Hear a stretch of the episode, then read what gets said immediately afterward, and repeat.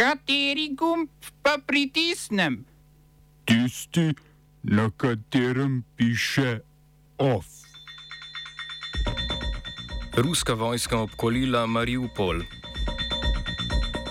Gruzija zaprosilo, zaprosila za članstvo v Evropski uniji. Nigerijski diaspori onemogočeno glasovanje na volitvah doma.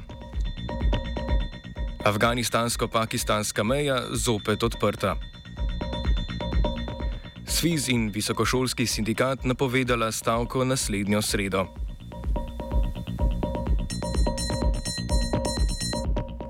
Ruska vojska je včeraj zasedla ukrajinsko mesto Herson, danes pa je obkolila obalno mesto Mariupol. Herson, v katerem živi 250 tisoč ljudi, velja za prvo večje mesto, ki ga je ruska vojska osvojila od začetka invazije. Oblegano je tudi pomembno obalno mesto Mariupol, katerega zasedba bi za rusko vojsko pomenila združitev južnih in vzhodnih vojaških sil.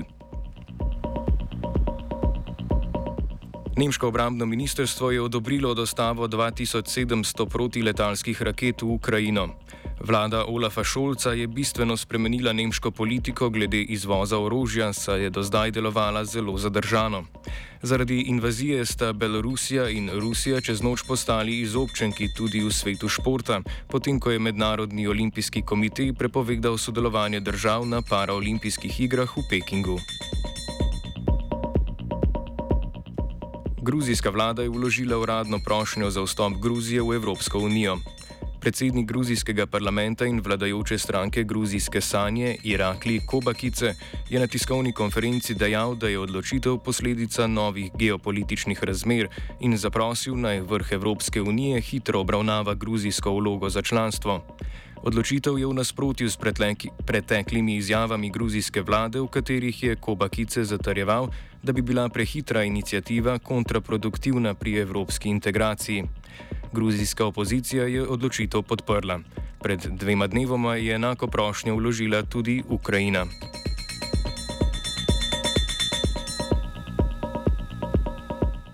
Okoli 10 tisoč delavcev londonske podzemne železnice se je v torek udeležilo stavke po neuspešnih pogajanjih z vodstvom podjetja glede plač, pokojnin in delovnih razmer.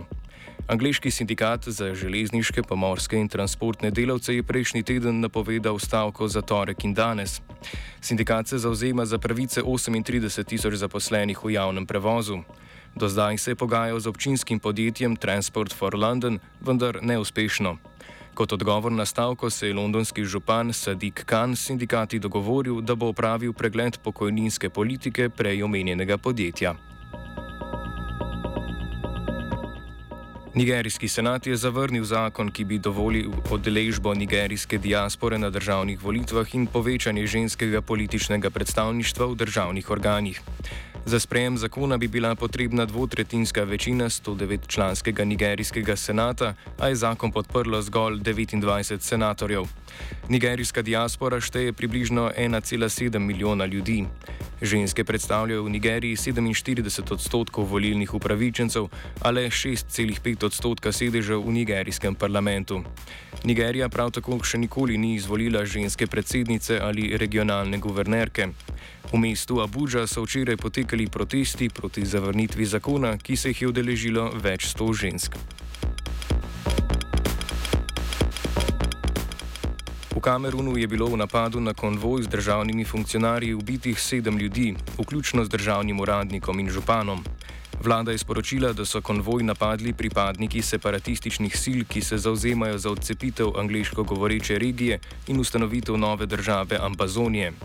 Dolgoletni konflikt med francosko govorečo večino in angliško govorečo manjšino je leta 2017 po protestih angliško govorečega prebivalstva za večje predstavništvo v kamerunskih državnih organih prerasel v državljansko vojno.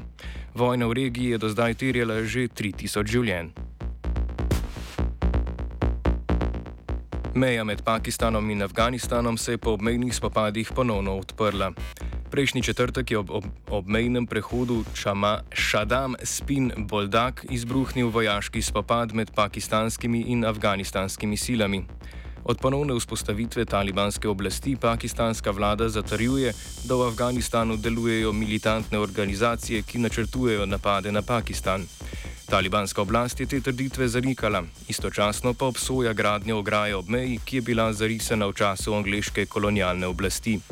Uradni govorec guvernerja province Kandahar v Afganistanu potrjuje, da se je meja med državama ponovno odprla. Uh, Oba, če, če bom odgovoril na angliški. Uh, Slovenia will try to help. We can Slovenia will and we will do our utmost to say that the situation is, our problem ourselves. and uh, We will make further steps as soon as the conditions are. bomo vlado Marjana Cererja, Mira- Marjana Cererja Šarca podprli. uh, very, very serious. we know how and we will. Visokošolski sindikat Slovenije ter sindikat vzgoje, izobraževanja, znanosti in kulture Slovenije sta za naslednjo sredo napovedala stavko zaradi neodzivnosti vlade na poziv k pogajanjem o nujnih dopolnitvah kolektivne pogodbe za dejavnost vzgoje in izobraževanja. V predlogu med drugim zahtevajo odpravo porušenih razmerij v plačnem sistemu, oblikovanje normalnih delovnih razmer v visokem šolstvu in ureditev drugih delovno-pravnih pravnih institutov, kot so delo od doma, stalna pripravljenost in dodatni dnevi dopusta za delo v nevarnih razmerah. V času stavke se ne bosta izvajala pedagoški in raziskovalni proces, v strokovnih službah ne bo uradnih ur, knjižnice pa bodo zaprte. Kot pove predsednik Sviza Branimir Štrukelj, se vlada s sindikati po napovedani stavki ni želela usesti za isto mizo. To se je zgodilo prvič, odkar Sviz organizira stavke. Mi danes, nekaj dni pred stavko, nimamo niti ene same črke, ki bi omogočala sklepati, da se je vlada z nami sploh pripravljena pogovarjati.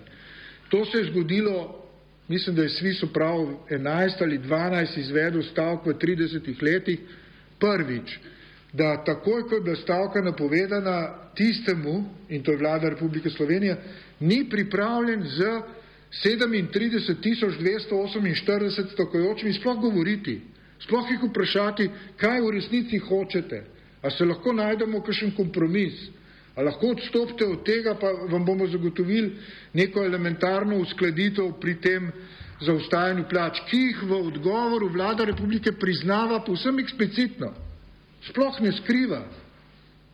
Ampak ne, mi nismo na ravni, eh, bom rekel, tega, da bi, da bi bili vredni, da se z nami vlada usede in se o tem pogovorimo. In to najbolj, bom rekel, sproža gnev pri ljudeh. Ta občutek manj vrednosti, tega zaničevanja, če hočete, našega upravljenega dela in tudi poklicano vse zadnje.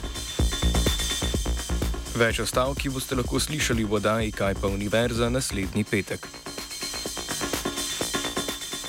OF je pripravil vajenec Jan, KGB nadzornik je bil Premrov.